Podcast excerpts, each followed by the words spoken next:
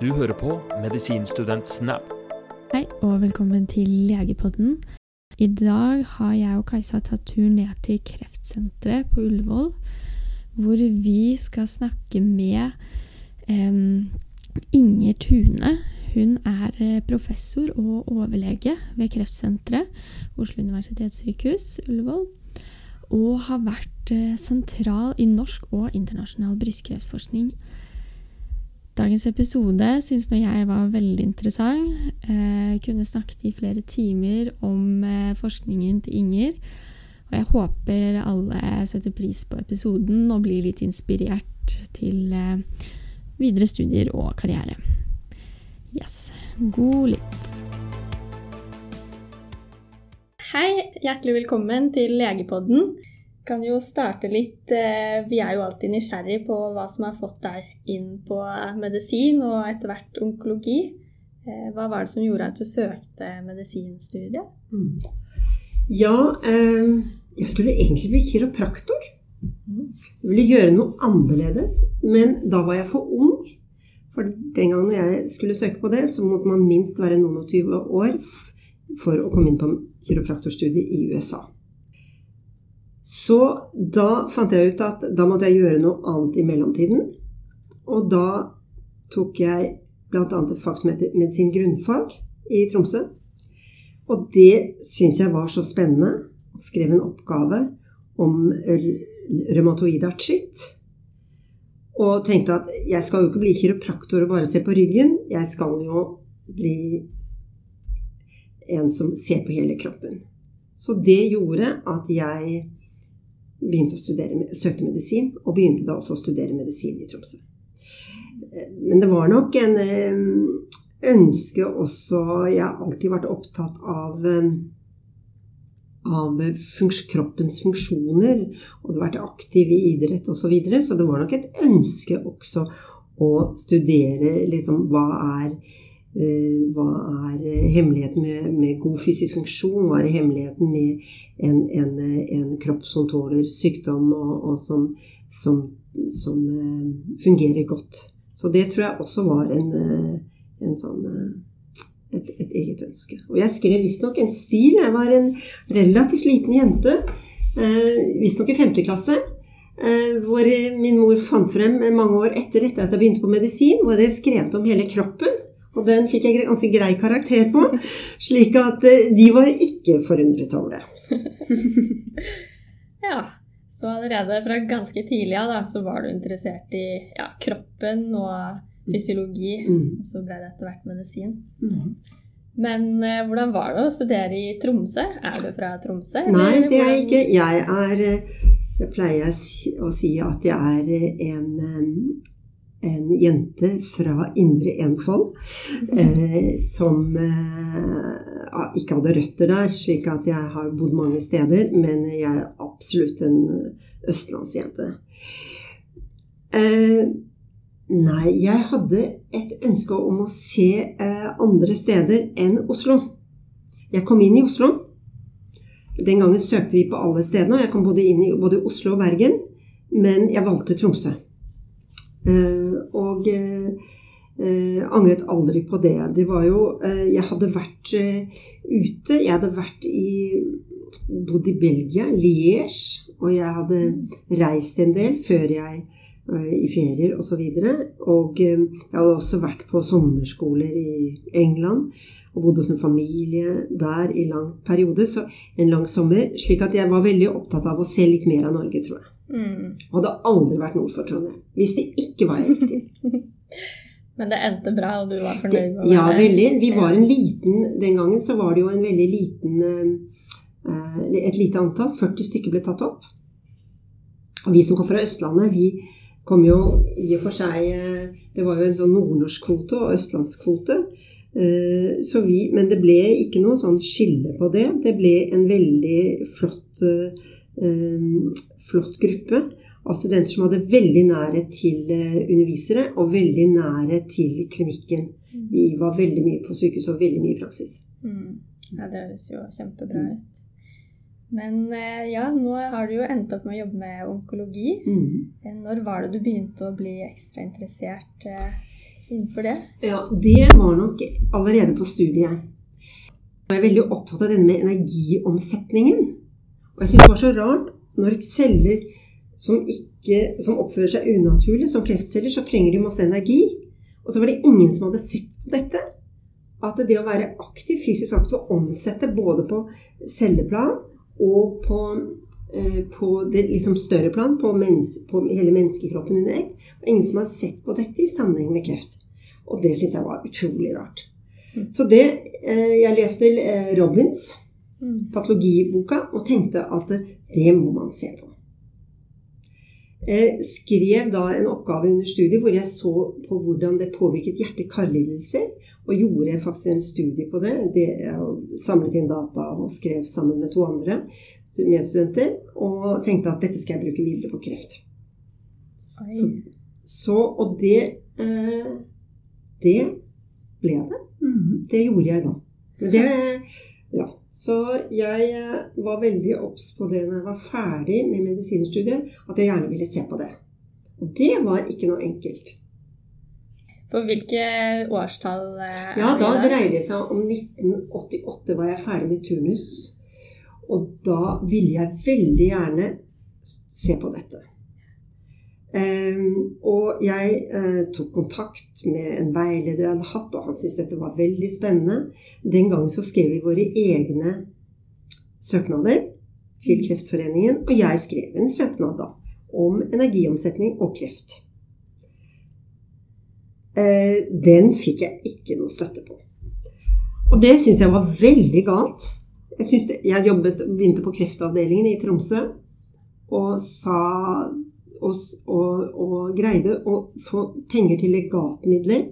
Og så reiste jeg til New Zealand Oi. og til, via denne veilederen min til, også til, til Stanford. Og eh, var der og fikk knyttet kontakter med USA og med, eh, med, McKegg.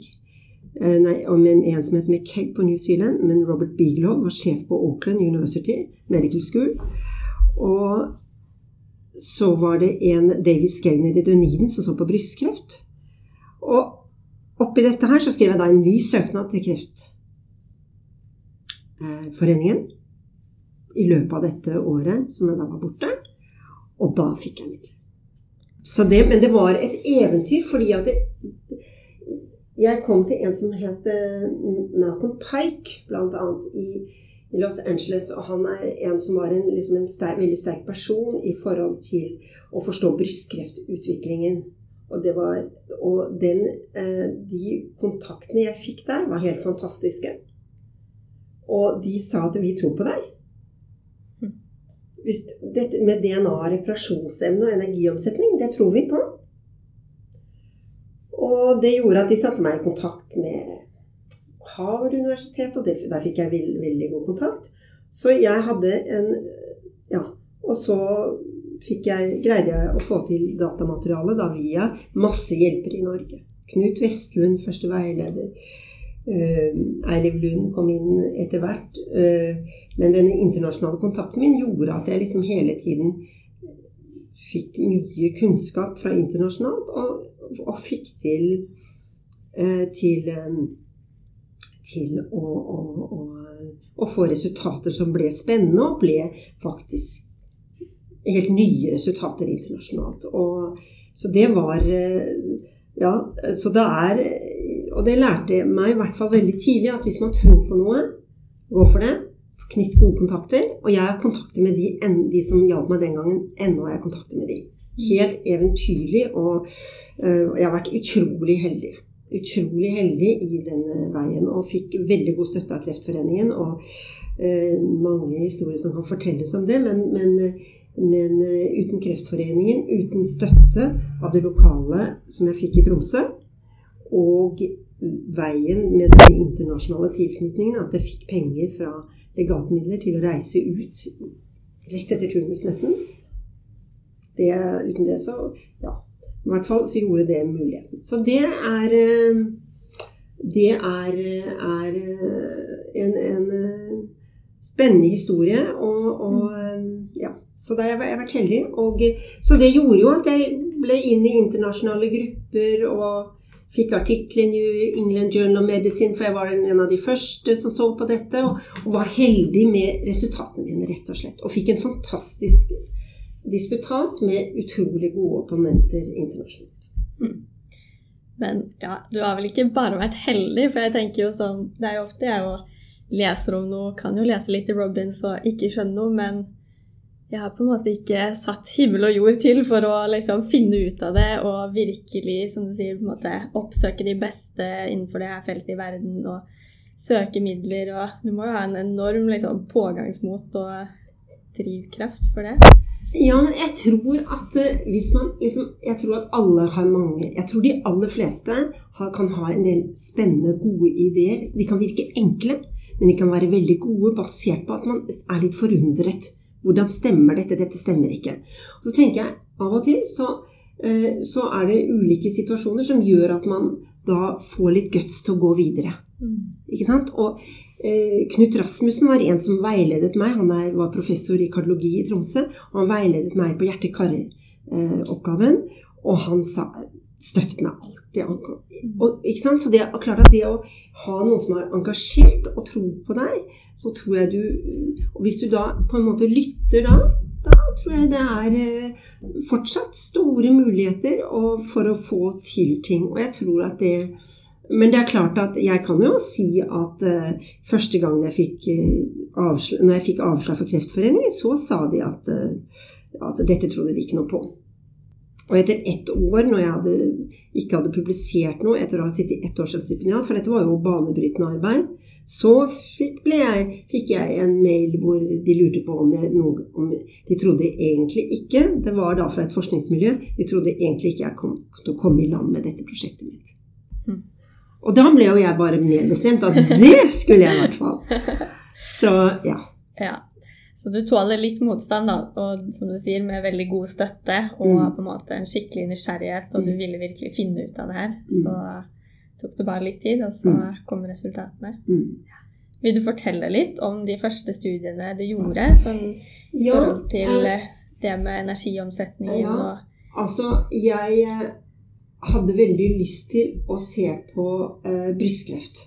Fordi at eh, kanskje fordi det var den vanligste kreftsykdommen blant kvinner. Jeg hadde opplevd at det var, dårlig, var veldig enkel behandling, for kreftbehandlingen var veldig enkel på den tiden. Og jeg tenkte at, eh, og så hadde jeg jo opplevd som idrettsutøver at menstruasjonen ble påvirket ved fysisk aktivitet. Og da tenkte jeg da måtte det jo være sånn at fysisk aktivitet påvirket hormonnivå, og østrogener var en veldig viktig faktor i forhold til brystkreftutvikling. Eh, men så viste seg at så fikk jeg, ble, ble jeg godt veiledet. Jeg ble fortalt at ikke begynn med det vanskelige, for der er det post- og premenopausal og yngre kvinner og en sammensetning. Så ved å få tak i og få lov til å bruke de fylkesvise helseundersøkelsene, så ble jeg anbefalt å begynne med tykktarmskreft. Det var ikke noe enklere, altså. For der var jo forskjell på menn, menn og kvinner. Og, så, men jeg gjorde nå det, da. Og, og, lærte nok veldig mye på, med å jobbe med den. Etterpå hev jeg meg på lungekreft.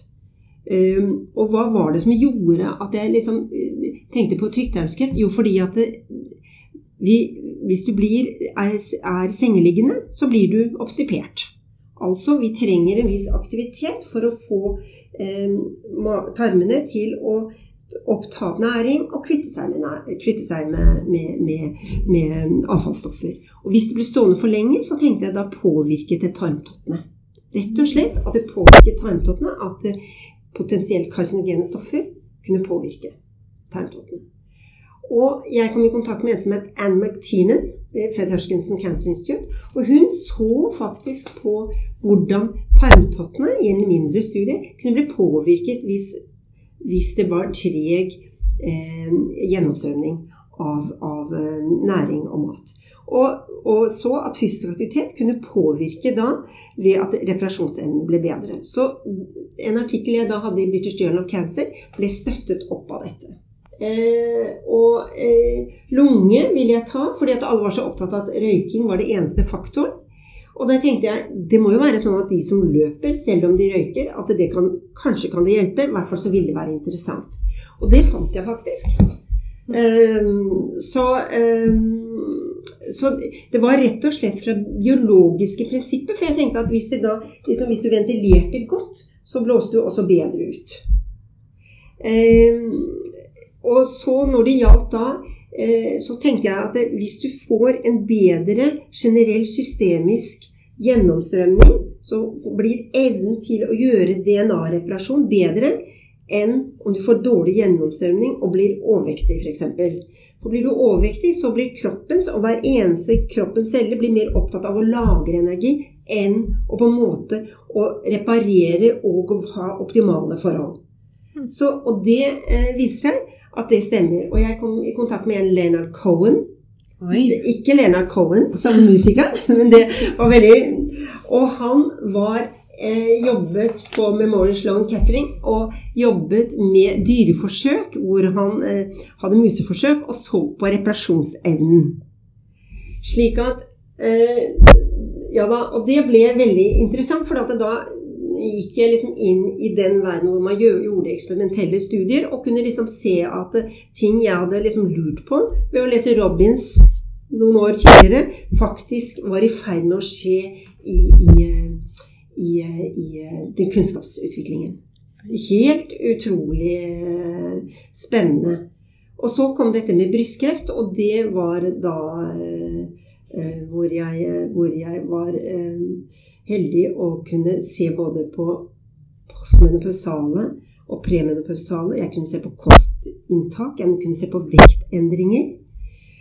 Og det gjorde at jeg var, kunne se liksom på den større energiomsetningen hos, hos, eh, hos kvinner som ikke hadde fått brystkreft.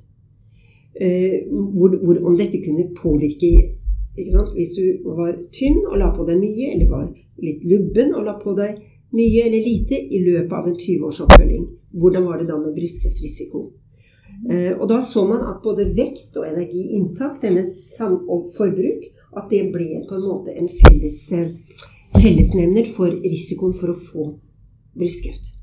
Og, og da ble eh, Da begynte jeg å styre med noe som het EBBA-studiene.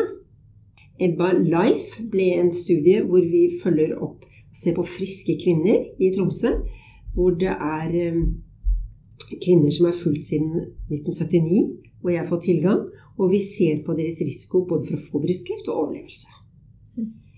Eh, og hvor disse energiomsetningene og alle mulige eh, sider ved hvordan de biokjemiske Altså med biokjemiske målinger osv.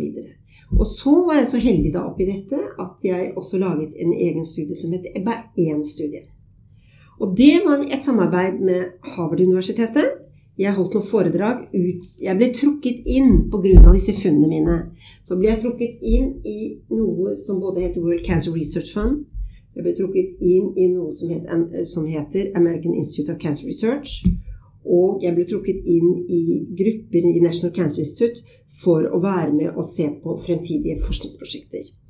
Og der traff jeg en som heter Peter Ellison. Han var dean på Harvard. Biolog. En såkalt biologisk antropolog som hadde sett på utviklingsmessige forhold. Og han sa Inge, jeg vil veldig gjerne ha en studie sammen med deg. Kan vi få til en studie på Harvard, på, i Krakow, i Jagellonian-universitetet i Krakow og i Tromsø, og så se på østrogen og hormonproduksjon gjennom menstruasjonssyklus. Eh, og det fikk vi til. Vi, og han er, var jo en, den gangen en stor uh, forsker på å se på hormon, hva som er optimal hormonnivå. Og, var, og, jeg kom inn i da, en internasjonal setting hvor vi har sett i alle verdensdeler fullt hormonsnivåene gjennom menstruasjonssyklus. Så det vi gjorde da, det var at jeg greide å få penger fra Forskningsrådet. Norges forskningsråd støttet meg godt. Det samme gjorde Kreftforeningen. Universitetet i Tromsø også. Og så greide vi å få til penger at vi greide å lønne noen, eh, en som hadde vært postdok på Harvard, til å reise tilbake til Krakow. Grazinia Jasienska. Så hun kjørte en studie i, i Krakow. Vi greide å betale litt og støtte den opp. Så fikk vi penger fra Polske Forskningsforbundet. Og så greide vi å få tre doktorgrader ut av dette i, i, i Krakow. Og vi er, det er tror jeg åtte eh, doktorgrader som har kommet ut i Norge. Og vi fikk en, en Emily Barrett som tok, kom over til Norge og brukte norske data og tok en doktorgrad da ved Harvard på dette. Og det vi så på gjennom denne, det så vi på hva er det som påvirker hormonnivåene gjennom en menstruasjonssyklus. Vi målte kroppsmasse. Vi målte eh, Vi tok selvfølgelig mammografitetthet. Vi målte, tok spyttprøve hver eneste dag gjennom en menstruasjonssyklus, og vi bestemte faktisk hvordan så den eh, eh, kurvene på hormonnivåer på progesteron og østrogen hos norske kvinner. Ingen hadde gjort det før. Gjennom en hel menstruasjonssyklus. Vi så også på vekst, vi har også senere sett på vekstfaktorer, vi har sett på lipidområder. Vi har sett på mange ulike sider som på en måte er relatert i den steroidpathwayen til, eh, til østrogener og progesteron. Og vi har også gjort sårbarhetsanalyser med genetisk sårbarhet, som såkalte snippeanalyser, og samarbeid med Fred Hørskinsen. Så dette ble et stort prosjekt. Eh, på, og det ble veien. Friske, unge kvinner mellom 25 35. Samarbeid med Harvard og Krakow, hvor vi, eh, vi, hvor vi hjalp til å få opp dette her. Vi har også sett på forurensning. Og så uh, var liksom målsettingen med hele dette prosjektet, med MBA1-studien, var å gjøre en randomisert klinisk studie. Og det var å se på brystkreftpasienter. Gå inn på brystkreftpasienter uh, og se på hva om vi påvirker deres, eller ser på deres energiomsetning fra den dagen de får diagnose, til oppfølgingen gjennom ti år gjøre en intervensjonsstudie med aktivitet, følge de på kosthold gjennom ett år. Eh, og det har vi da fått til, og de første resultatene kommer ordentlig til høsten. Oi. Wow. Så da, som du sier, så ser dere både på fysisk aktivitet og mm. kosthold og alt det Mye annet. Vi tar avføringsprøver, mikrobiome, ja. vi ser på cytokiner, vi har samarbeid med Vi ser på inflammasjonsreaksjoner. Uh, Men intervensjonen er, er fysisk aktivitet. Fysisk aktivitet. Vi, ja. Ja. Så det er ett år, ja. og det er 550 kvinner som er inkludert. Oi. Som har vært fulgt, og som er deltaker fra Oslo, Drammen og Trondheim. Men de har ett år med intervensjon, og så hvor følges lenge er det de følges? I ti år, men de får gjøre hva de vil de siste ni mm, årene? Mm, mm. Vi, ja. Men de kommer inn til eh, De var inne, de er inne De ble inkludert før operasjonen, så vi tok ja. alle mulige undersøkelser før operasjonen. Det vil si, vi tok alle mulige blodprøver. Vi høydevektmålte de. Vi gjorde kliniske undersøkelser, blodtrykk osv. Eh, og så eh, gikk de til operasjon, og så fulgte vi det etterpå. gjorde ny rett etter operasjon. Eh, ny samtale med de. De ble testet med hjerte-lungekapasitet. Eh, faktisk med CRF før operasjonen. Eh, litt spesielt at vi greide å få til det. Eh, og så har de testet eh, Og så har, vi også, har de gått med akselometer. Og så har de vært i grupper og gjort 240 minutter med aktivitet ukentlig i et år. 120 mm. minutter i grupper av to ganger, 60 minutter hver gang. Og så er de inne ved undersøkelser og tar beintetthet også. Dexa, fettsammensetning, avføringsprøver, urinprøver osv. Eh, og så eh, ses de av eh, en onkolog før operasjon, altså. Etter operasjon seks måneder, ett år, to år, tre år, fem år og ti år. Hmm.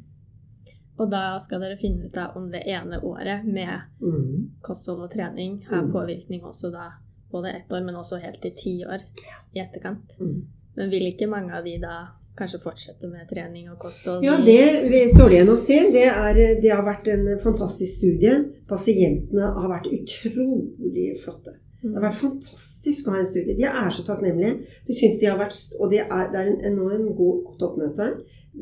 Omtrent ikke frafall. Det er helt uh, spesielt. Vi har 29 fullførte masterprosjekter. Og hvilke type master er det? Det er uh, medisinstudenter som har tatt sånn femteårsoppgave. Det er uh, ernæringsstudenter. Det er fysioterapeuter. Det er idrettsfysiologer, fysiologer, biologer. Eh, ja, og vi har også sett på sosiale ulikhet. Så jeg er sosiolog. Ja, så det har vært fantastisk. Fordi Som jeg skjønte det fra de første artiklene jeg så på Mm. det, så fant dere ut det at det er ikke bare Eller Før så har man jo kanskje tenkt at fysisk aktivitet, hvis noen driver mye med det, så har de jo også gjerne et sunt kosthold. Mhm. De har kanskje en litt høyere sosioøkonomisk Mm. status og en, måte, en litt lavere vekt. da. Mm. Men det du sier, at dere fant ut at det var liksom selve fysisk aktiviteten Mm. som hadde Mm. også en egen påvirkning, når Mm. du liksom fjernet de andre Ja. faktorene. Ja. Det vi kan si, det er at vi sammen med Grażynia Sienska så vi bl.a.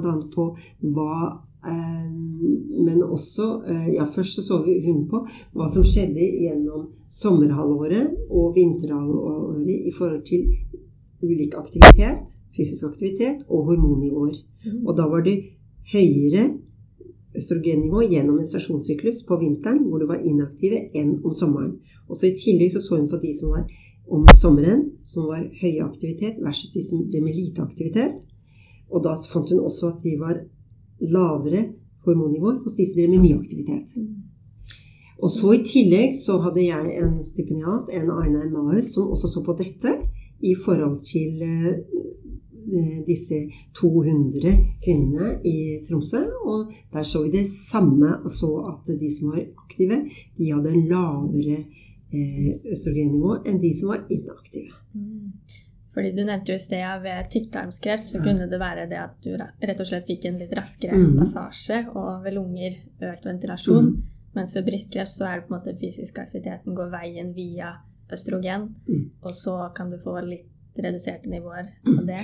Det kan være én side. men jeg tror også at reparasjonsevnen generelt ved, øh, ved øh, fysisk aktivitet eller ved en mer optimal energiomsetning, for jeg tror det er viktig hva du tar inn også, så tror jeg at eh, det også kan virke på DNA-reparasjonsevnen både for lungekreft, for tykktarmskreft og for brystkreft.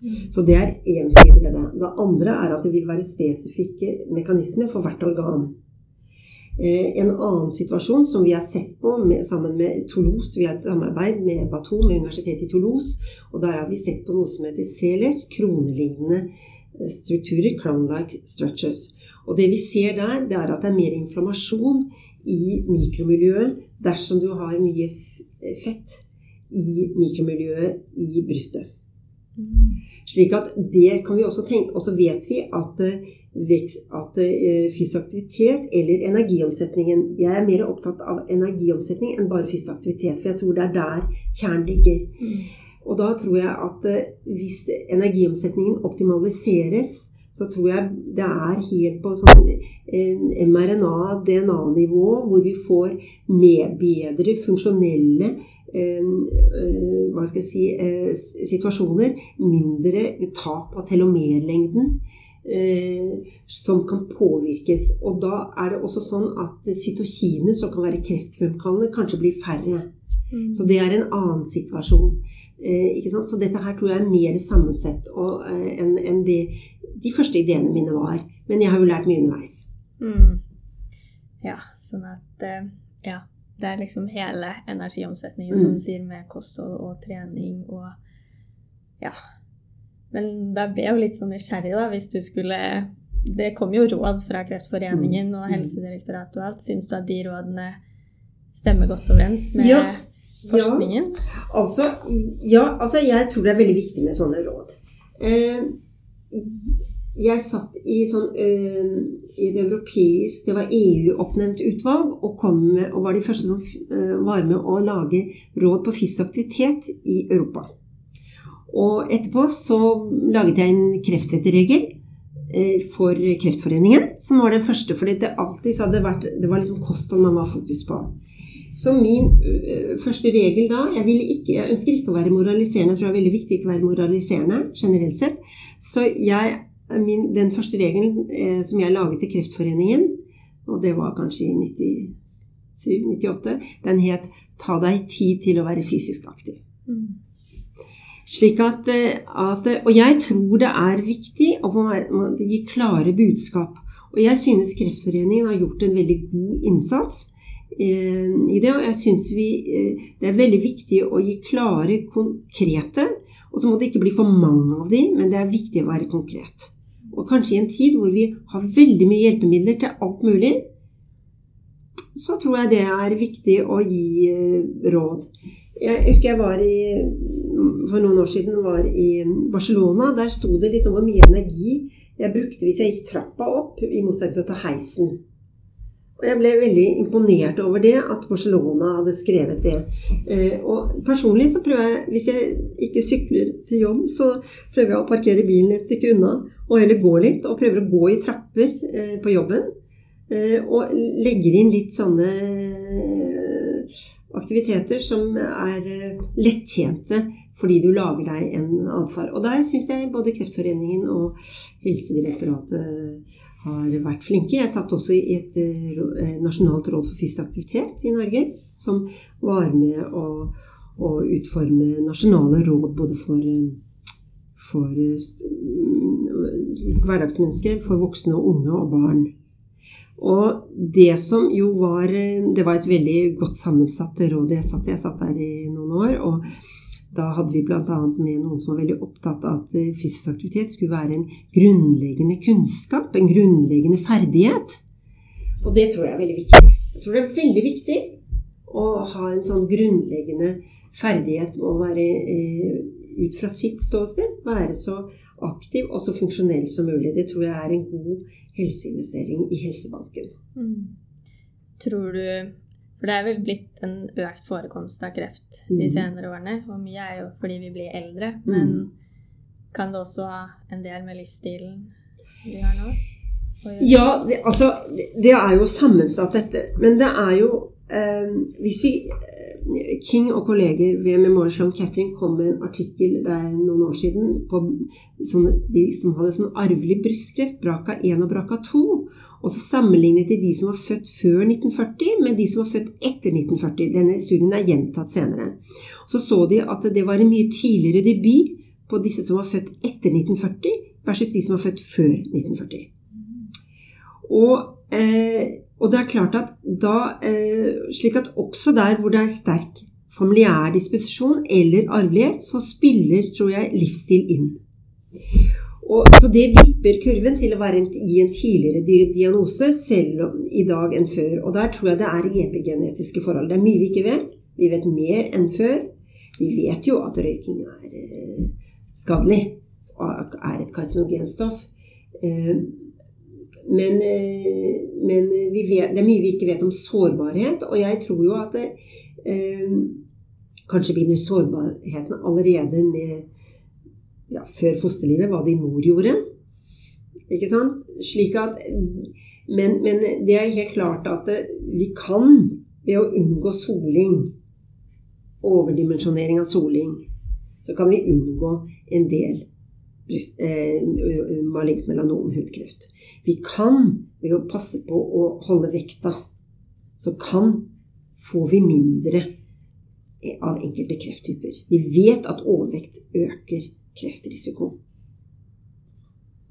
Og med økende alder, og hvis du fortsetter å legge på deg eh, og det er klart at, Så det, det er klart at vi vet at det gir ugunstige profiler i forhold til, eh, til enden til DNA-reparasjon. Mm. Slik at noe livsstil er klart at det er med her. Men det er mye vi ikke vet, så vi må aldri være dømmende. For vi vet jo ikke om den pasienten vi har foran oss, som har fått kreft, om den på en måte hvis den hadde gjort mye annerledes om hvordan situasjonen For vi, har, vi slutter jo fra en gruppe til pasienten, men pasienten har vi ikke, har vi ikke fulgt. Ja, det er så sant. Ja, det er så mye spennende, da. Og det er veldig gøy å høre deg fortelle om alt det her. Det blir spennende å se framover hvordan ting mm. kommer til å endre seg, og hvordan kreftbehandlingen blir. Jeg husker jo, Vi hadde jo deg her som smågruppeunderviser, og i forkant så var jeg litt sånn ah, Onkologi, det er så mye død og sykdom, og mm. ja, mange har jo kanskje noen i familie eller venner som har vært igjennom kreft, og tenkte liksom at det var så depressivt, da. Men eh, så husker jeg måte, når vi kom ut igjen fra gruppen, alle på gruppa var bare sånn ah, Nei, men det her var jo egentlig veldig spennende mm. og så gøy, og det var så fint å se på en måte mange av de pasientene du hadde fulgt opp da, over tid, som hadde levd kjempelenge med kreftsykdom, også med spredning. da. Jeg husker det var en dame som hadde levd i over ti år med spredning. og når vi kom ut, så var vi bare sånn her Wow, hallo! Nå kommer endelig liksom ja. Kanskje si noe om det, fordi at når jeg gikk inn i, i og begynte på onkologisk kreftavdelingen uh, som, som LIS-lege, så ble jeg etter et halvt år litt deprimert. Jeg syntes det var så lite vi kunne gjøre. Jeg synes Det var altså så Det var, begynte å skje noe på lymfekreftsiden og testiskansersiden, men det var så deprimerende, så jeg tenkte at jeg, dette kan jeg ikke Jeg kan ikke fortelle at det ikke er noe å gjøre, så jeg må begynne med forskning. Så det var faktisk Jeg må bare ut i forskning. Jeg Mm. må bare det. Men jeg, jeg hadde alltid fulgte alltid opp med å ha en klinisk eh, side med meg, og ønsket eh, liksom å opp, opprettholde det selv om jeg var eh, en god stund ute i, eh, i full stilling som forsker. Fordi at det, jeg ville ha det tilbake til pasienten, ny kunnskap. Og det må jeg si at onkologien er et fantastisk fagfelt. Det har vært enorm utvikling, og ennå så kommer det mye mer. Og det å få være med på det, Jeg syns det har vært eventyrlig i, i min eh, tid, fra 19, slutten av 80-tallet og frem til i dag. Og ennå så kommer det mye, mye mer. Mm. Så det å være med i det fordi det, er, det å være lege, det dreier seg om å, å få lov til å Hva skal jeg si eh, Være med å gi pasienten bedre og bedre muligheter. Og da er du med i samfunnsutviklingen på en sånn unik måte ved å kunne hjelpe pasienten. Og det er en ut- Og du får gi av din kunnskap, sånn du, og du får lov til å tenke litt utenfor boksen, for det er bare sånn du drar kunnskapen videre. Det blir aldri kjedelig. Det er utrolig spennende. Og onkologien er også, i og med at det øker, og vi ser at vi kan kurere flere, og vi kan også ha høy livskvalitet hos de som ikke vi greier å kurere over mange år, det er utrolig takknemlig. Det er utrolig spennende. Jeg blir så inspirert, jeg. Så jeg håper det er flere lyttere der ute òg som får lyst til å ja, kanskje prøve seg i onkologi. Hvordan tror du behandlingen kommer til å se ut om ja, 10 eller 20 Mm. år fremover? Jeg tror at det blir eh, enda mer flere pasienter vi kan kurere. Eh, og jeg tror vi kommer til å behandle Nå har vi jo allerede startet med å behandle flere med såkalt D-staging og neadjuvant behandling før eh, kirurgi med onkologiske eh, midler, eh, med systemisk behandling. Det tror jeg blir eh, igjen eh, mer og mer. Og så tror jeg også at vi, altså, også at vi får eh, nye, eh, ny kunnskap om hvordan interaksjonen er i pasientens kropp mellom normale celler og ondartede celler, og mellom lokalmiljø, mikromiljø som cellene er i. Så det kommer nye teknikker, nye medikamenter. eh, Så jeg tror det blir veldig spennende.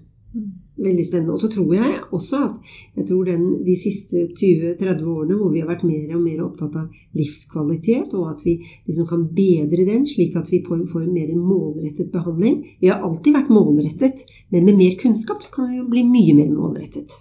Mm. Og det er også veldig spennende. Så både hvis man er teknisk opptatt, hvis man er medmenneskelig opptatt, hvis man er en blanding av de, eller er opptatt av, eh, av eh, biologiske mekanismer Alt dette vil spille på lag i, en optimal kreftbehandling. Og så er det jo sånn at det som er så viktig, og som jeg tror dette med samarbeid mellom ulike eh, helsepersonell, alt i onkologien, alt fra fysikere til eh, eh, og fysikere, sykepleiere, leger, eh, eh, IT-kunnskap eh, og, eh, og stråleterapeuter.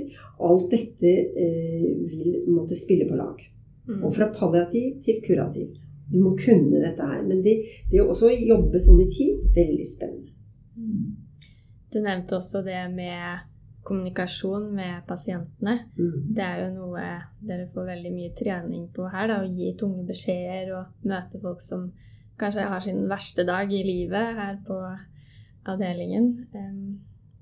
Hvordan eh, ja, Har du noen gode tips til eh, medisinstudenter og ferske leger hvordan man kan møte disse pasientene på en best mulig måte?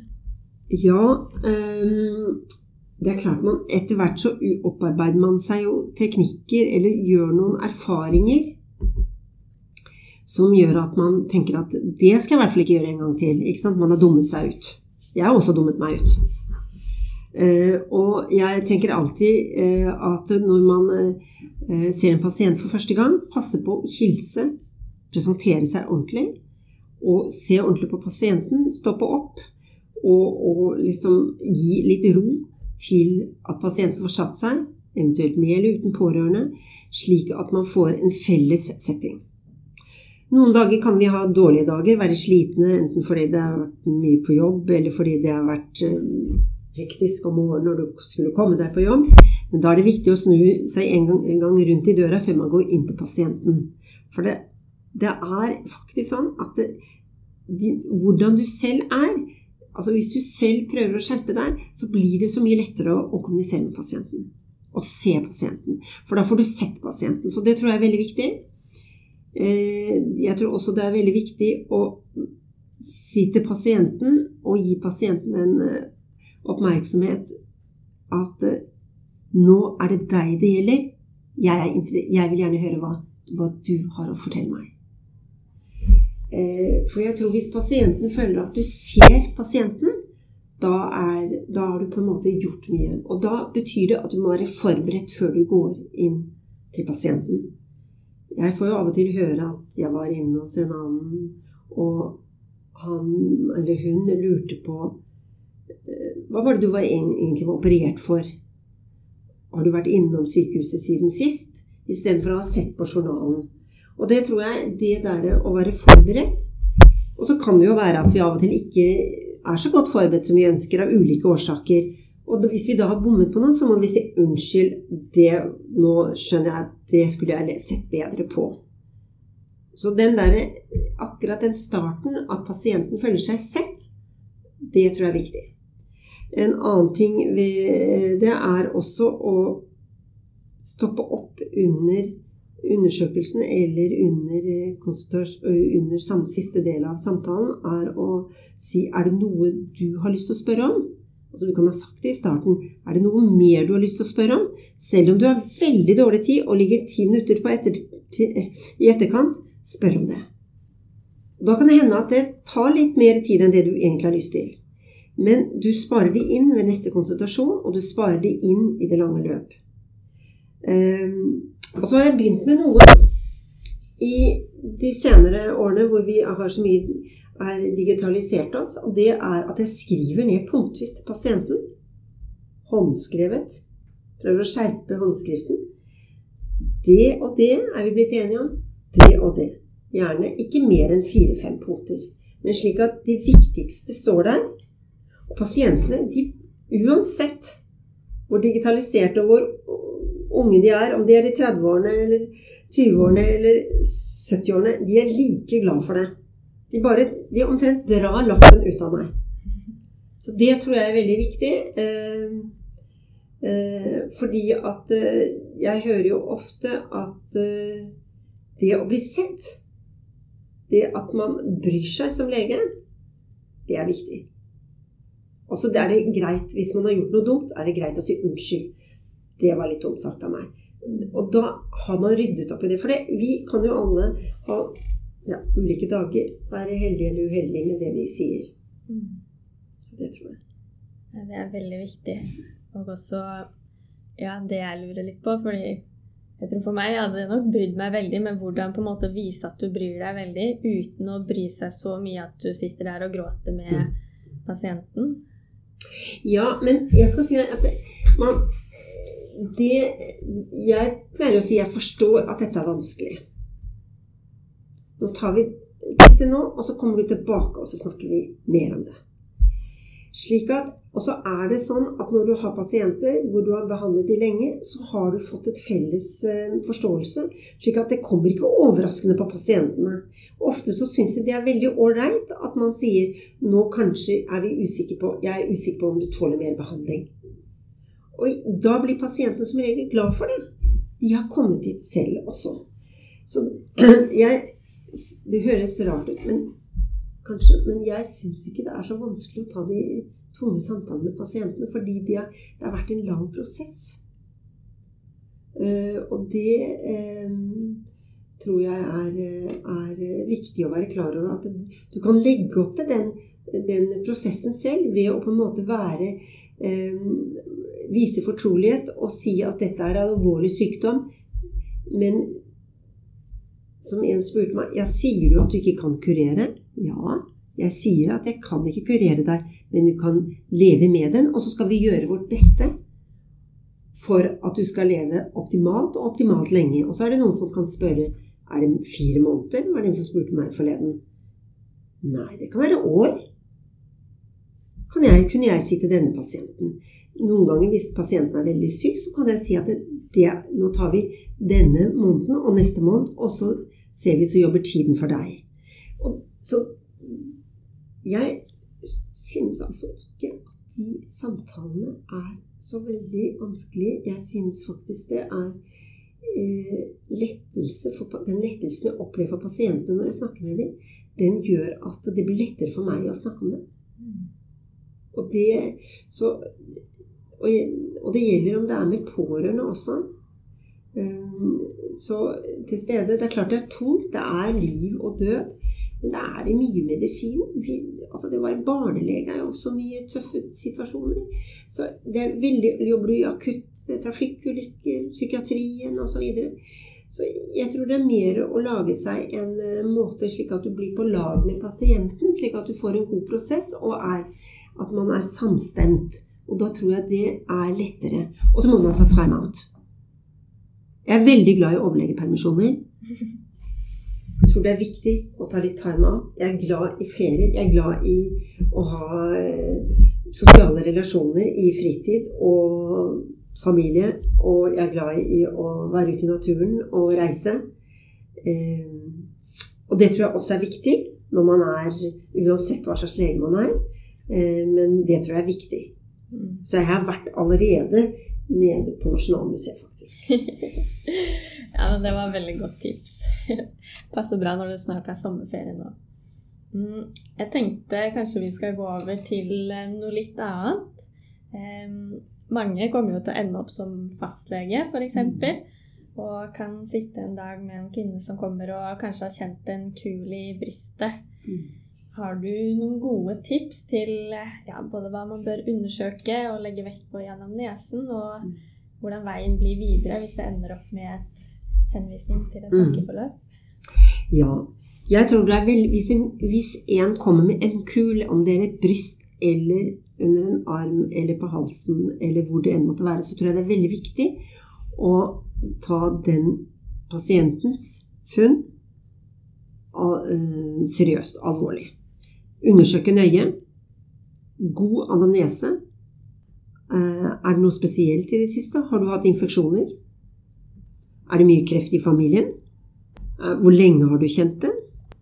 Eh, er den og Så blir det jo avhengig av hvor gammel pasienten er igjen. Men det er klart at brystkreft for eksempel, da kan oppstå også Altså min yngste pasient var 19 år. Det er sjeldent.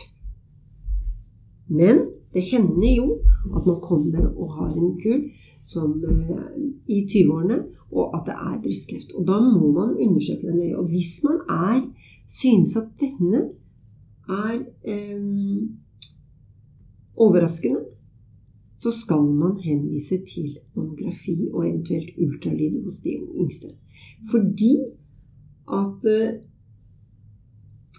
Ja, rett og slett fordi det kan være veldig vanskelig Eh, hvis man, hvis man, fordi at det noen ganger Og det er klart at jeg tror ikke at fastleger henviser for mye til mammografi ultralyd.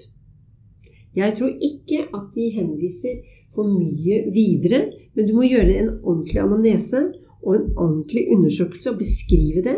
Og så tror jeg at eh, man skal da henvise hvis det er en reell kur, og, den, og selv om den ikke virker ujevn osv., så, videre, så skal man henvise til et brystdiagnosesenter. Det tror jeg er viktig. Vil du si litt eh, forskjellen på ultralyd, mammografi og MR? Hva, hva det Ja, altså det er jo Mammografiscreeningen har jo vært viktig for, for å oppdage brystkreft tidligere i den vanlige befolkningen av kvinner. Og når man er over eh, blitt postmenopausal, så er det en absolutt en god undersøkelse. Eh, og mammografiscreeningen ble jo stengt ned under pandemien. I noen måneder, var det vel. Og dermed så ble det en tror jeg, en av årsakene til at, forklaringen til at det ble en nedgang i brystkrefttilfeller. Og nå har vi sett de siste åra at det er en økning. Eh, hos de yngre kvinnene så kan, og hvor det, vel, eller hvor det er veldig tett brystvev, så er det jo en del falske negative. Og da, men det er jo også disse brystdiagnosesentrene. De er jo veldig flinke på dette her. Det er et kjempeteam i Norge rundt omkring. Og da henviser man til det og skriver 'teste brystvev, ung kvinne', ultralyd? spørsmålstegn. Og så vil de på en måte følge opp det. Og det tror jeg er, eh, og de vil også kunne da ta en biopsi, og de gjør det jo, eller en cytologi. Eh, Det gjør de jo veldig raskt, altså.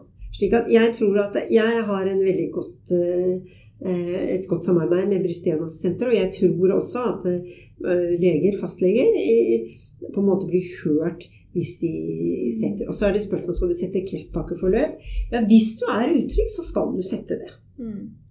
Og MR, da? Er det Ja, MR er ingen eh, screening, derfor det kan bli falske ja. funn, og det kan skape mye angst. Vi kjører jo MR nå. Vi gjør MR på eh, såkalt lobulære kreft, brystkrefttilfeller fordi at vi, de kan være litt spettet.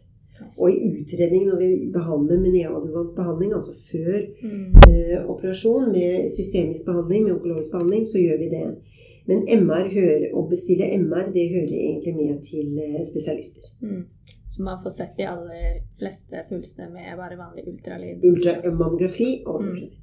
Ja, mammografi hos de eldre og Mm, mm, ultralyd hos de yngste. Og så kan det være at de, Og dette er en veldig de, er- de, ja, de er flinke, og det gjelder rundt omkring i Mm. Norge, altså. På brystdiagnosesenteret.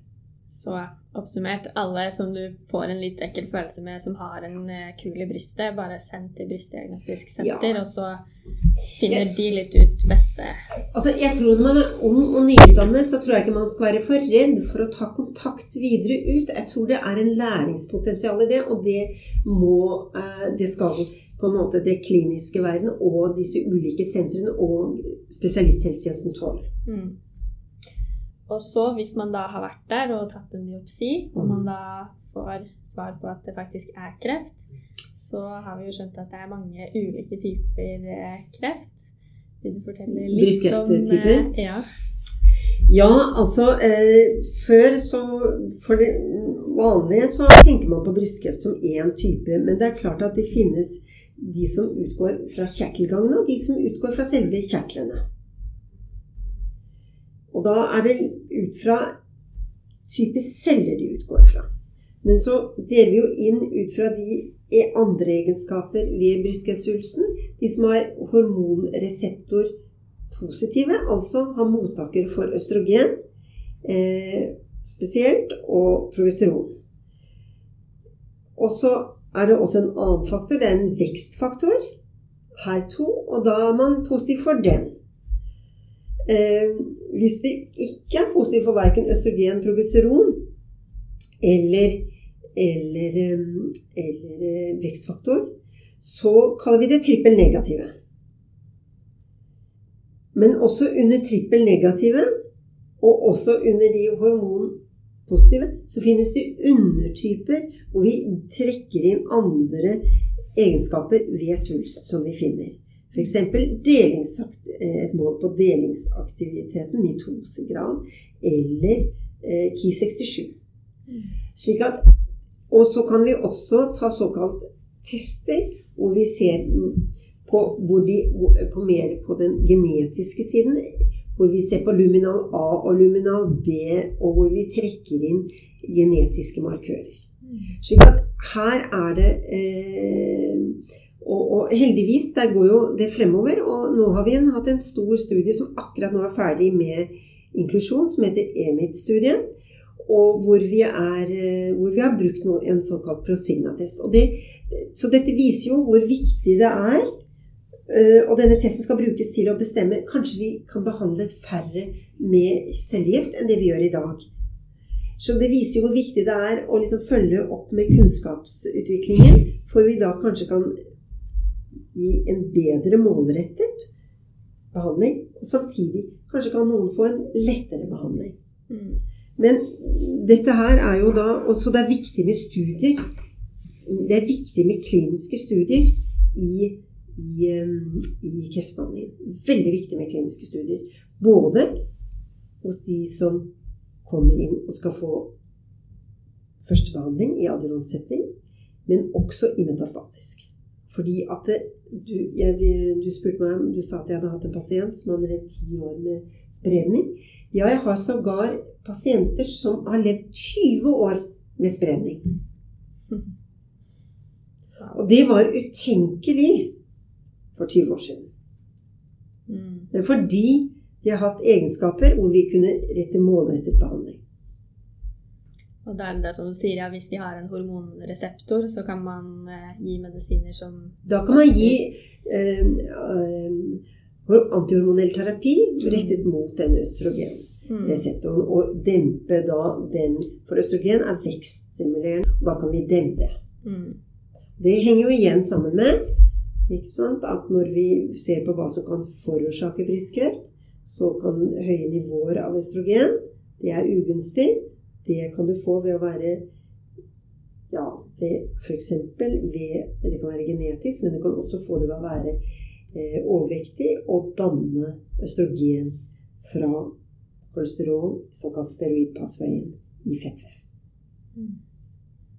Er det også økt sannsynlighet for de brystkrefttypene som ikke har østrogenreseptor, eller bare faktisk så tror vi at det gjelder alle mm. per i dag. Men her er det jo da eh, Det er jo et mer komplekst bilde enn som så, så veldig forsiktig med å men, men bare for å si tilbake til dette med energirestriksjon. Det er sågar vært studier på å, å faste eller spise lite før man får cellegift, for å se om da cellegiften kunne påvirke ha større påvirkningsgrad på eh, å, å, å drepe kreftceller.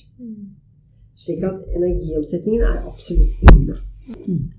Ja, det er jo litt eh, omstridt, ja, det her med fasting. Er det, Mm, mm. hva var resultatene? Det? Nei, det er omstridt. Jeg pleier å si til pasienter det kan jeg ikke anbefale. De alle studiene som de medisinene vi gir her, er ikke basert på at pasienter faster. Mm.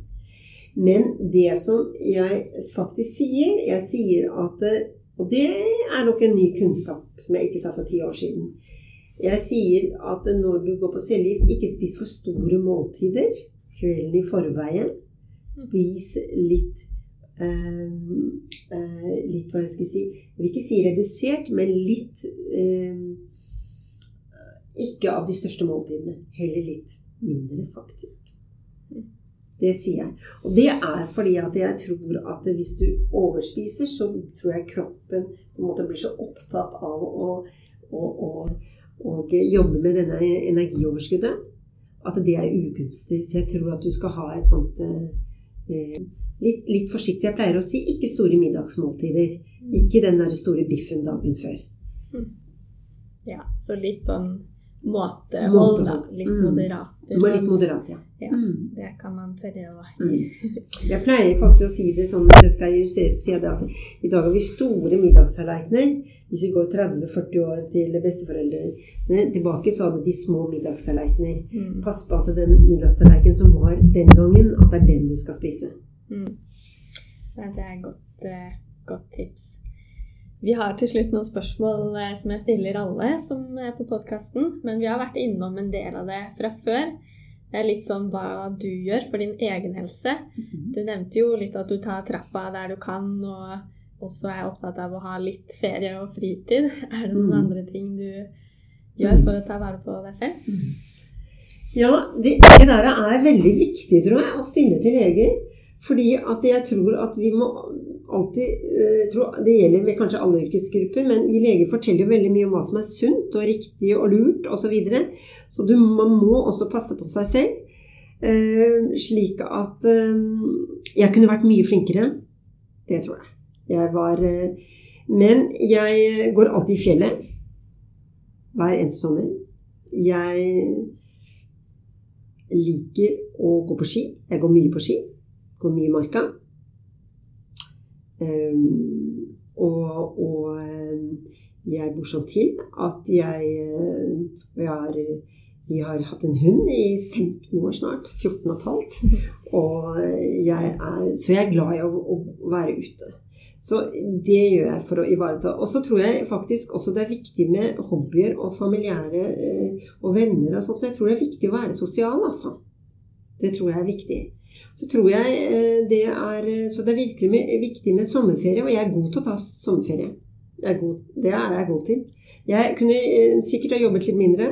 Men jeg blir jo veldig engasjert og har venner fra barndommen. Jeg ja, har en litteraturgruppe som jeg har hatt med de som jeg gikk på barneskolen sammen med.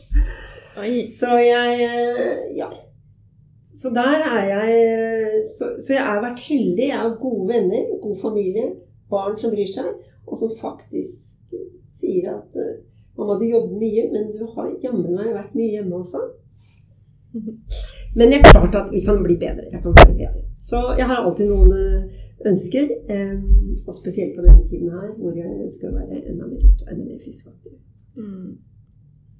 Ja, det var mye bra inspirasjon der. Um, har du ellers noen tips til eh, studenter? Det som jeg eh, tenker på oss som underviser, det er at Eh, studenten må gjerne ta enda mer kontakt med oss og bare komme innom og være med på ting. Det tror jeg. For jeg tror at avstanden mellom studenter og undervisere kunne vært enda mindre. Mm. Og, så, og det, det, kan godt være bare sånn Kan jeg være med i en time? Nå er jeg på Ullevål. Kan jeg være med en time? Har du noe spennende? Det tror jeg faktisk at studenter kunne eh, altså vært, For jeg tror at det å se pasienter, det tror jeg er veldig gunstig. Og så tror jeg det at man lærer ting ved å hive seg ut i situasjoner. Så se pasienter, vær med, spør. Og studenter skal aldri være brysomme overfor oss undervisere. De skal alltid kunne inkluderes. Og mm. det tror jeg pasientene også aksepterer hvis vi er ordentlige. Så tror jeg ikke det er noe problem. Og jeg tror det er viktig. Så det er et, et tips. En annen tips er at når dere er ferdige så tror jeg det er veldig viktig å eh, se pasienten, lytte, eh, og si unnskyld hvis man har bommet. Eh, og, og, så er det én ting til jeg alltid pleier å si. Det er, det er jo ofte at pasienter kan spørre vanskelig. Eller at man ikke kan svare på ting. Og da kan man jo si det at eh, det var et viktig spørsmål. Det må jeg tenke litt på. Eller jeg vil diskutere dette med kolleger. Sammen er vi sterkere, og jeg vil gjerne diskutere dette med kolleger. Eller jeg vil ta en telefon og diskutere det. Jeg kommer tilbake til deg. Lag sånne, fordi at, da, fordi at vi kan ikke svare på alt med en gang. Og da tror jeg pasientene de får tillit. Mm, bryr seg. Kan ikke svare, men tar dette videre. I stedet for å svare noe halvveis. Ja, det er så sant.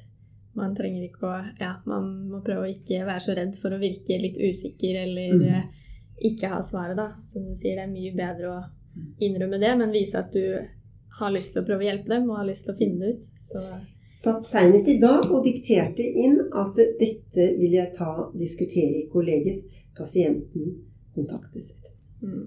Nei. Og hvis man ja, har lyst til å prøve å ta litt mer kontakt eh, med undervisere eller deg, vil du mm. at man skal sende mail først, eller bare møte opp på Jeg tror det er veldig ålreit å sende en mail, for da vet man For vi er jo av og til en del ulike aktiviteter. Men ikke være redd for det, altså, fordi jeg tror at vi eh, Altså, vi har eh, Det er jo morsomt å lære bort, da. Mm. Ja. Jeg tror mange har litt ulike opplevelser. At noen syns det er kjempegøy, og så kanskje man har vært uheldig og følt seg mm. veldig til bry og til overs og mm. irriterende, og så kanskje man mister litt mm. Mm. piffen, men det er godt å høre, som du sier, at de fleste har jo veldig lyst til å lære bort. Hvis det er sånn at, man, at studenter, at dere medisinstudenter føler at dere ikke på, altså Hvis dere har noen dumme opplevelser, si fra. Så kan det, får vi rydde opp, for vi er til for at dere skal få optimal læring. Og det er veldig viktig. Og jeg tror det er veldig viktig at vi er gode rollemodeller være, som, som mulig ved å være åpne, tilgjengelige og eh, eh, være, være åpne for å på en måte bidra med mer kunnskap til dere. Det tror jeg er veldig viktig. Og, og, og det er faktisk litt spennende å, å undervise fordi at man og, og veilede fordi at man får jo ny, eh, altså De generasjonene som kommer etter, stiller jo spørsmål på en annen måte. Så det er også en læring ved å lære videre. Mm. Så det Ja. Det, sånn, og sånn må det være. Ja, men Det er veldig godt å høre. Um, hvis du ikke skulle jobbet innenfor kreft, skulle hatt en annen spesialisering, hva ville det vært? Ja. Jeg, når jeg, jeg øh, I starten så tenkte jeg at jeg skulle bli kirurg. For jeg liker veldig godt å bruke hendene mine. Og, um, og så ble jeg veldig opptatt av dette med mekanismer og sånn. Hematologi syns jeg var veldig spennende. Jeg synes det var kjempespennende. Men jeg har jo litt kardiologi også, jeg. Så jeg satt på sko og, og var mye på kardiologen i, i, i utdannelsetiden. Så det likte jeg også. Men jeg er veldig fornøyd med det jeg har valgt. Jeg syns det har vært spennende. Ja, nei, jeg tror kanskje vi skal runde av, jeg. Hvis ikke det er noe mer du har på hjertet, eller eh, noe du lurer på. Jeg vil bare si lykke til. Og til alle som eh, er i starten på medisinerstudiet og lurer på om dette er riktig valg osv. Vent litt. Finn deres egen vei. Det er så veldig mange muligheter. Og så er det et eh, universelt yrke som passer i alle land. Og det blir aldri ut av popularitet i forhold til hva som er viktig for, for, eh, for de menneskene som er i vår verden. Så lykke til. Takk for nå. Vi er Medisinstudentsnap. Følg oss på Instagram. Der har vi quiz hver dag og mye annen medisinsk moro. Ha det bra!